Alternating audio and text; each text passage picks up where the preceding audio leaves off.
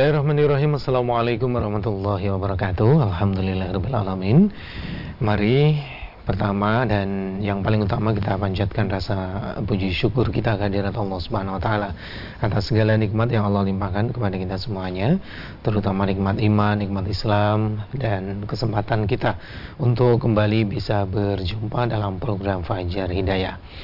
Salam dan salawat semoga tetap terlimpah kepada Rasulullah Muhammad SAW, pada keluarganya, sahabatnya, dan para penerus risalahnya hingga akhir zaman nanti insya Allah. Pemirsa, senang sekali kita dapat kembali berjumpa. Saya Ahmad Fauzan. Kita berada dalam program Fajar Hidayah sampai nanti pukul 6 pagi. Dan tentunya di hari ini, hari Jumat kita bersama dengan Ustadz Suprapto dari Pondok Pesantren MTA Karanganyar.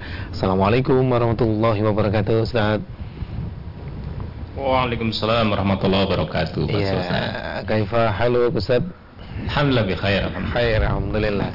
Baik, di pagi hari ini kita tentunya segmen pertama akan mendengarkan tausiah pelajaran dari Ustadz. Kemudian nanti di paruh kedua kita buka kesempatan bagi Anda yang ingin bertanya langsung kepada Ustadz Suprapto di line telepon 02716793000, SMS WhatsApp di 08112553000. Waktu sepenuhnya kita berikan kepada Ustadz untuk memulai kajian kita di pagi hari ini. Tafadhol Ustaz. Baik, terima kasih. Bismillahirrahmanirrahim. Assalamualaikum warahmatullahi wabarakatuh. Alhamdulillahi rabbil alamin. Asyhadu an la ilaha illallah wa asyhadu anna Muhammadan abdu rasuluh. Allahumma salli ala Muhammad wa ala alihi wa ashabihi wa man tabi'ahudahum bi ihsan ila yaumiddin. Wa qala ta'ala أعوذ بالله من الشيطان الرجيم. بسم الله الرحمن الرحيم. يا أيها الذين آمنوا اتقوا الله حق تقاته ولا تموتن إلا وأنتم مسلمون. وقال ولا تمشي في الأرض مرحا إنك لن تخرق الأرض ولن تبلغ الجبال طولا. أما بعد. Bapak dan Ibu yang hormati saudara-saudari yang Allah berikan kesempatan kepada kita bisa mendengarkan untuk program kajian Fajar Hidayah dan juga yang berkesempatan bisa menyimak secara visual. Pertama tentu senantiasa kita bersyukur kepada Allah karena dengan rasa syukur itu sebagai bentuk wujud kita hamba yang tahu diri. Kita tahu bahwa apa yang kita dapatkan sekarang itu pada hakikatnya adalah pemberian dari Sang Khalik. Di mana kemudian Allah yang kemudian memiliki sifat yang kasih dan sayang. Semua makhluknya akan Allah kasih. Walaupun dia kafir. Bukankah kemudian Allah melalui nabinya menyampaikan kepada kita bahwa karena dunia ini tidak ada artinya dalam pandangan Allah, maka orang-orang yang mengkafiri Allah pun Allah berikan fasilitas hidup. Oleh karenanya, sebagai wujud ke tahu dirian kita kepada Sang Khalik, maka kita bersyukur kepada Allah. Kita berterima kasih terhadap apa yang Allah berikan kepada kita. Hari ini kita masih bisa bangun pagi, kita masih bisa melaksanakan kewajiban kita. Kita masih bisa menambah dengan kiroah kita. Maka tanpa nikmat dari Allah, tentu kita tidak mampu melakukan itu nikmat yang kemudian terbesar manakala ada satu aktivitas yang sama aktivitas hidup tetapi aktivitas hidup kita sudah kita tujukan, kita niatkan untuk beribadah kepada Allah sebagaimana tujuan hidup kita. Allah menciptakan kita tujuannya adalah untuk beribadah kepada Allah. Bukankah Allah berfirman, "Wa ma khalaqtul jinna wal ins illa liya'budun." Jadi Allah tidak menciptakan jin dan manusia. Wa jinna wal insa illa liya'budun. Kecuali untuk menyembahnya. Menyembah Allah Semoga dengan rasa syukur itu kita juga bisa berkomunikasi dengan hati kita. Sebagaimana sering kami sampaikan di pagi hari, kita lebih cara untuk bagaimana kita mencoba untuk apa yang akan kita lakukan di hari ini. Bisa lebih baik daripada hari kemarin. Kita bisa mencoba untuk bermuhasabah. Senantiasa menimbang-nimbang, menilai, Apakah kemudian apa yang sudah kita tahu, apa yang sudah kita pahami, kemudian kita yakini, kemudian kita amalkan. Oleh karenanya di pagi hari ini kami masih senantiasa mengingatkan kepada pribadi kami dan juga seluruh uh, pemirsa, pendengar yang hari ini, pagi hari ini ikuti agenda atau acara Fajar Hidayah ini.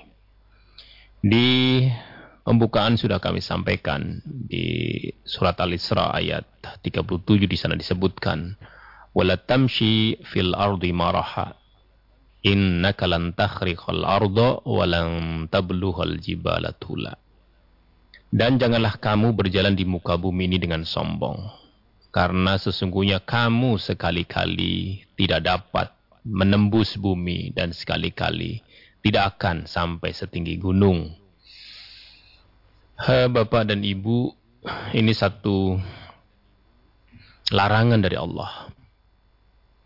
Kalau ini larangan dari Allah, kemudian pasti Nabi memberikan bayannya, keterangannya, penjelasannya untuk lebih detail. Karena kemudian uh, perilaku atau sikap dari para sahabat waktu itu menjadi referensi untuk sahabat yang lain ketika Nabi memberikan keterangannya terkait dengan ayat ini.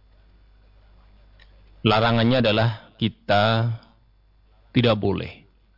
Kita ketika berjalan di muka bumi, ketika kita bermuamalah bersama masyarakat, bersama uh, tetangga kita, bersama seluruh komunitas kita. Itu dengan ada sifat sombong. Kalau kita yang bermuamalah, tentu ada sikap kadang kita merendahkan mereka.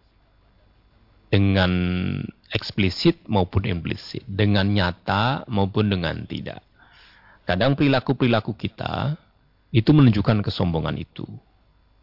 Kadang perkataan kita membanggakan diri kita itu, itu terlihat menyombongkan diri.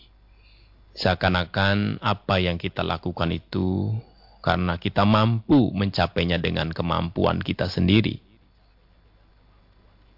Kalaulah kita kemudian di dalam bermuamalah kepada manusia karena status sosial kita, kemudian kita merasa lebih dari yang lain, dalam konteks merendahkan karena saya, karena keakuannya itu berlindunglah kita kepada Allah karena itu menjadi satu sebab kita bisa masuk ke dalam neraka. Kalau dulu ada isbal yang kita bisa mengikuti eh, tarikhnya, memanjangkan bajunya, kemudian ada orang yang menginjaknya, kemudian dipukul dan sampai kepada Nabi. Kemudian sampai Nabi memberikan satu nasnya, satu sabdanya untuk tidak boleh memanjangkan sampai ke lebih dari mata kaki karena kesombongan yang ada di di mata yang lain. Maka kesombongan itu kalau sekarang boleh jadi kita sudah tidak isbal. Boleh jadi kita sudah menaikkan uh, pakaian kita di atas mata kaki misalnya. Tetapi ketika kita memakai motor, ketika kita memakai mobil, ketika kita bermuamalah dengan manusia, kemudian kesombongan itu ada bahwa saya orang kaya, bahwa saya adalah orang yang punya, bahwa saya bisa membeli apa pun, itu boleh jadi menjadi satu tafsiran lain bahwa kesombongan yang dimaksud tidak ansi hanya dari pakaian yang sudah di mengikuti syariat tetapi melekat padanya sombong itulah kemudian uh, bisa menyebabkan kita uh, masuk ke dalam neraka. Apa kemudian sombong itu? Ketika nanti kita sebutkan bagaimana Nabi memberikan al-kibru itu apa? Ada dua yang kemudian bisa sampai kepada kita. Batrul haq wa hum tunnas. Jadi menolak kebenaran dan merendahkan manusia. Maka sudah sangat menjadi jelas ketika kita mempunyai sikap merendahkan manusia. Itu karena jelas kita mesti menolak kebenaran. Allah melalui juga Rasulnya senantiasa menuntun kepada kita untuk bertawadu, untuk bersikap yang baik. Bukankah banyak atau sangat banyak orang yang masuk surga itu karena jelas ketakwanya kepada Allah dan karena akhlak mulianya. Tetapi kemudian kebalikannya bahwa sangat banyak juga hal yang menyebabkan orang masuk ke dalam neraka. Artinya manusia itu banyak dimasukkan ke dalam neraka itu karena mulut dan farjnya. Fam wa farjo. Karena mulut itulah kemudian kita senantiasa mengungkapkan hal-hal yang membuat kita jauh atau banyak kesalahan dan juga kesombongan bisa muncul. Oleh karenanya, Bapak dan Ibu yang kau mati, kami mengingatkan kepada diri kami, betul-betul kadang sangat tipis ya kita itu karena ungkapan hati ini, ungkapan tahadus bin ni'mah, menyampaikan sebuah kenikmatan atau sebenarnya membanggakan diri bahwa saya telah mencapai sejauh ini tuh karena predikat kemampuan kita, pendidikan kita. Sehingga kadang tanpa terasa apa yang kita sampaikan itu bentuk kesombongan kita. Kadang kita misalnya sekarang lah yang paling mudah Bapak dan Ibu misalnya ya. Kita misalnya sudah bertitel misalnya.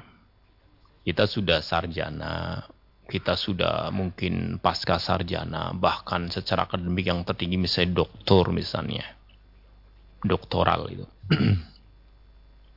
kemudian kita mempunyai putra atau putri kita atau ponakan atau siapa saja yang kemudian dalam dalam pemeliharaan kita, dalam tanggung jawab kita. Kemudian kita menyekolahkan misalnya. Ketika kita menyekolahkan kemudian ada sedikit berbeda pola pendidikan misalnya. Kemudian kadang kita pengin memberikan masukan-masukan kepada gurunya, pembimbingnya atau mungkin uh, pengasuhnya yang secara kebetulan sebagai wali kelasnya mungkin atau sebagai kepala sekolah atau atau mungkin yang di kita di majelis ada asrama misalnya ya, ada pondok misalnya. Itu kadang kita pengen harus begini karena saya adalah orang yang tahu tuh. Nah, kadang ketika saya orang yang tahu tentang pendidikan kemudian pengen memberikan satu tekanan-tekanan kepada lembaga, lembaga pendidikan mana pun ya, di mana pun karena kita interaksi kepada manusia mana pun. Itu jangan-jangan kita masuk ke kategori karena saya sudah lebih tahu dari Anda. Karena saya sudah sarjana, sudah S2, sudah S3, atau bahkan profesor misalnya. Ini tentu harus uh, kita coba Eh, rasakan kepada diri sendiri. Jangan sampai itu ada pada kita.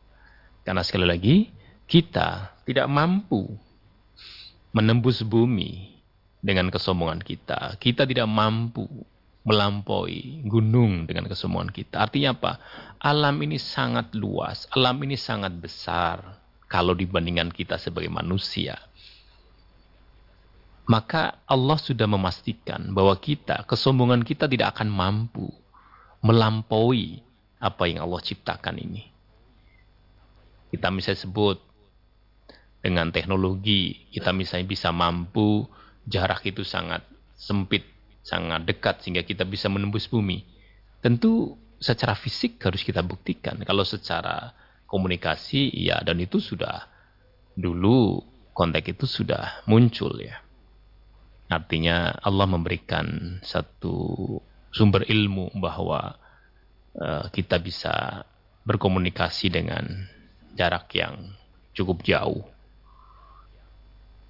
Tetapi untuk secara fisik tidak bisa. Itu yang paling mudah. Artinya kesombongan apa pun yang kita tunjukkan, kita menolak kebenaran, kita merendahkan manusia, itu tidak akan ada baiknya untuk kita. Kita coba misalnya melihat di beberapa hadis yang coba kami bacakan untuk sebagai pengingat kita. Bahwa sombong ini menjadi satu sebab yang mengerikan ya, walaupun seberat biji sawi.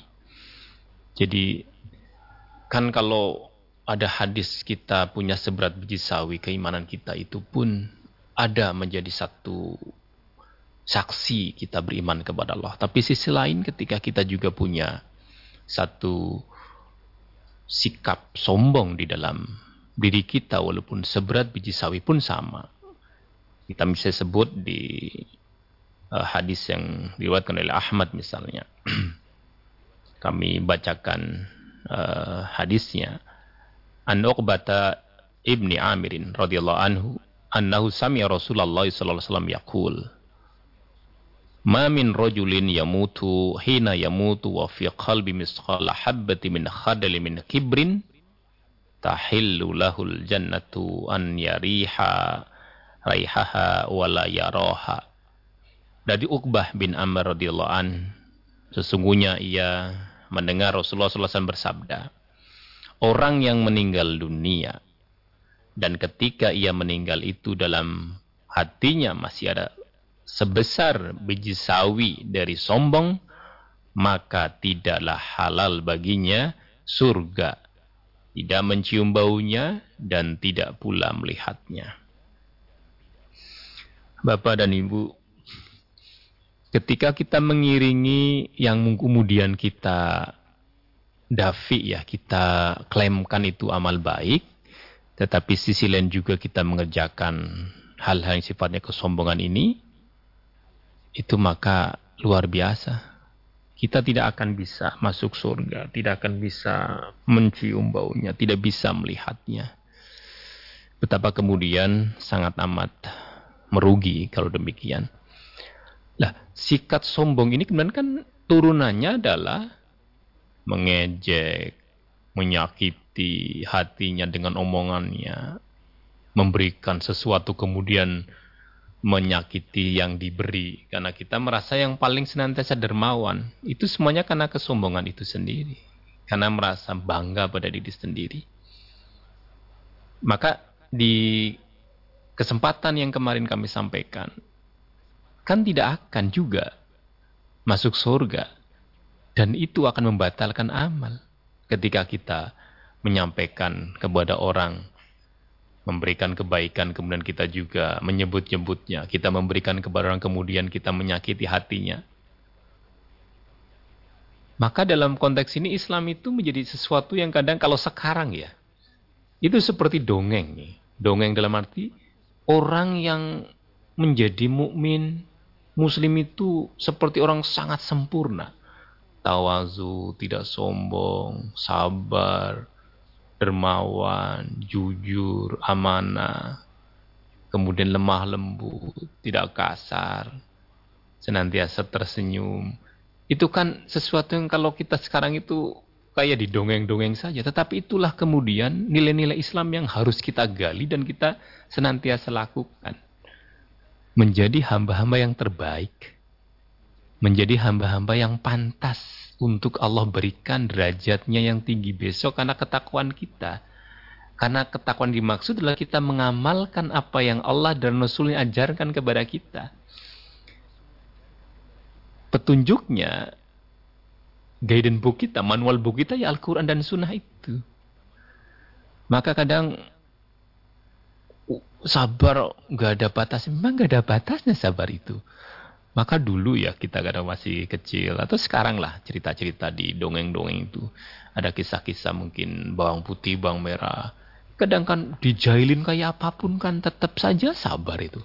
Kemudian mendapatkan uh, apa kalau dalam cerita-cerita kan ya uh, pangeran dan sebagainya.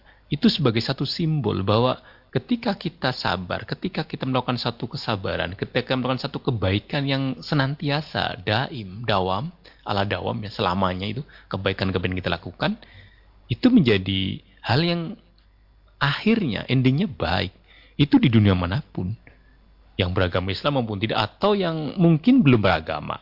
Kadang dari sisi moralnya mengatakan bahwa apa pun yang kita tanam kebaikan akan kita dapat kebaikan itu maka kemudian seakan-akan ketika itu wah mau sotoh begitu karena itulah ternyata Bagaimana kita mendengar atau kita juga diperdengarkan atau bahkan kita membaca sendiri. Nabi kita Muhammad sallallahu alaihi wasallam itu diludahin tiap kali melewati satu jalan ada yang meludahin. Kita bayangkan namanya meludahin mesti nggak mungkin habis gosok gigi. Kalau sekarang ya baru meludah kan nggak. Mesti sudah direncanakan biar pokoknya sebau-baunya lah kira-kira begitu. Pun itu masih Nabi maafkan. Bahkan ketika kau tidak meludahi saya atau tidak ada nih sesuatu yang menimpa saya kau satu dua hari ini. Ternyata ketika tanya sakit kepada sahabat ketika malah dijenguk dan alhamdulillah malah masuk Islam artinya kadang tadi saya katakan bahwa syariat Islam itu yang kemudian itu sudah sampai kepada kita jauh ya hampir 14 abad ini ternyata di setiap generasi kebaikan-kebaikan Islam itu sebagai moral yang terbaik itu itu tidak bisa diingkari. Tidak bisa diingkari oleh hati nurani kita bahwa etika, bahwa tawazu, bahwa kita untuk tidak sombong itu sudah sudah ada di dalam dalam jiwa kita manusia karena kita pada hakikatnya mempunyai jiwa yang fitrah. Kita tidak suka orang lain itu sombong, tetapi kadang kita melakukan itu tanpa kita sadari. Nah ini yang kemudian senantiasa Bapak Ibu di kesempatan kali ini kami mengingatkan bahwa Nabi menyampaikan kita tidak akan mencium baunya. Kita tidak akan melihatnya. Kalau ketika kita mati, kemudian masih ada rasa membanggakan diri, rasa saya itu siapa. Nah, kira begitu. Dalam segala turunannya dalam sikap kita. Kita bisa melihat di satu hadis yang juga sering kita dengarkan dan juga kita uh, dapatkan.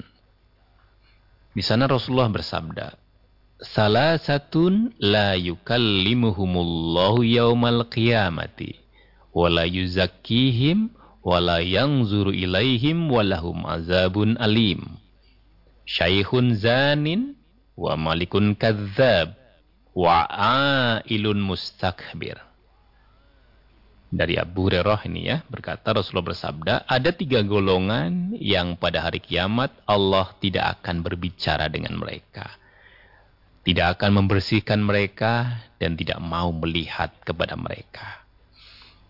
Dan bagi mereka siksa yang pedih, yaitu orang tua yang berzina, raja atau pejabat yang pembohong, dan juga orang miskin yang sombong.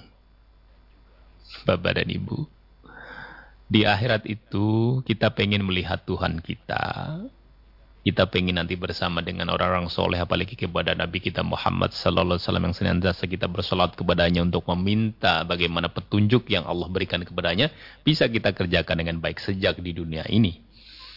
Tetapi Allah tidak melihat kita. Allah tidak mau bicara dengan kita. Bahkan Allah yang lebih lebih menyakitkan kepada kita ya. Artinya sebagai manusia sampai Allah yang holy kita itu nggak mau membersihkan kita. Melihat kita nggak mau karena kita sombong. Karena kita merasa paling. Karena kita merendahkan manusia. Karena kita menolak kebenaran. Kebenaran-kebenaran larangan sombong sudah ada pada kita. sampai kepada kita. Tapi kita tidak mau melaksanakan itu. Untuk menjauhi sombong itu. Dan kita melaksanakan penuh ketawaduan. Inilah hada min ini adalah fadilah dari Allah Tuhanku. Tidak ada la haula wala quwata illa billah. Tidak ada kekuatan tidak ada daya upaya kecuali dari Allah Subhanahu wa taala. Bukanlah kemuliaan itu adalah dari Allah. Maka apa pun yang kita kerjakan pada hakikatnya adalah kita memohon kepada Allah. Semoga Allah memberikan apa yang kita mohonkan dan ketika kita diberi oleh Allah sebagai nikmat itu, maka kita akan gunakan yang baik dan penuh rasa syukur kepada Allah. Mudah-mudahan uh, pengingat yang sebenar ini, sejenak ini, bisa mengingatkan kita kembali akan kajian-kajian yang sudah sampai kepada kita. Kemudian sama-sama kita amalkan sehingga menjadi pribadi-pribadi yang terbaik yang kemudian dengan itu kita betul-betul datang kepada Allah dengan bin salim dengan penuh ketauhidan dengan bebas dari hal-hal yang kemudian Allah larang kepada kita melalui juga Rasulnya kepada kita. Demikian yang ya. bisa kami berikan di sesi pertama ini. Baik, syukuran Ustadz untuk materinya di kesempatan pagi hari ini. Insya Allah nanti kita lanjutkan di sesi kedua. Pemirsa pastikan Anda terus bersama kami dalam program Fajar Hidayah. Baik, pemirsa di mana pun Anda berada, terima kasih bagi Anda yang masih selalu bersama kami dalam program Fajar Hidayah.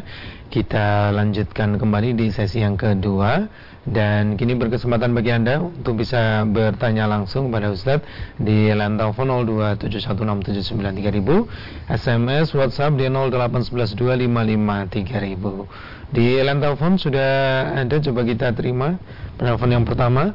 Assalamualaikum warahmatullahi wabarakatuh.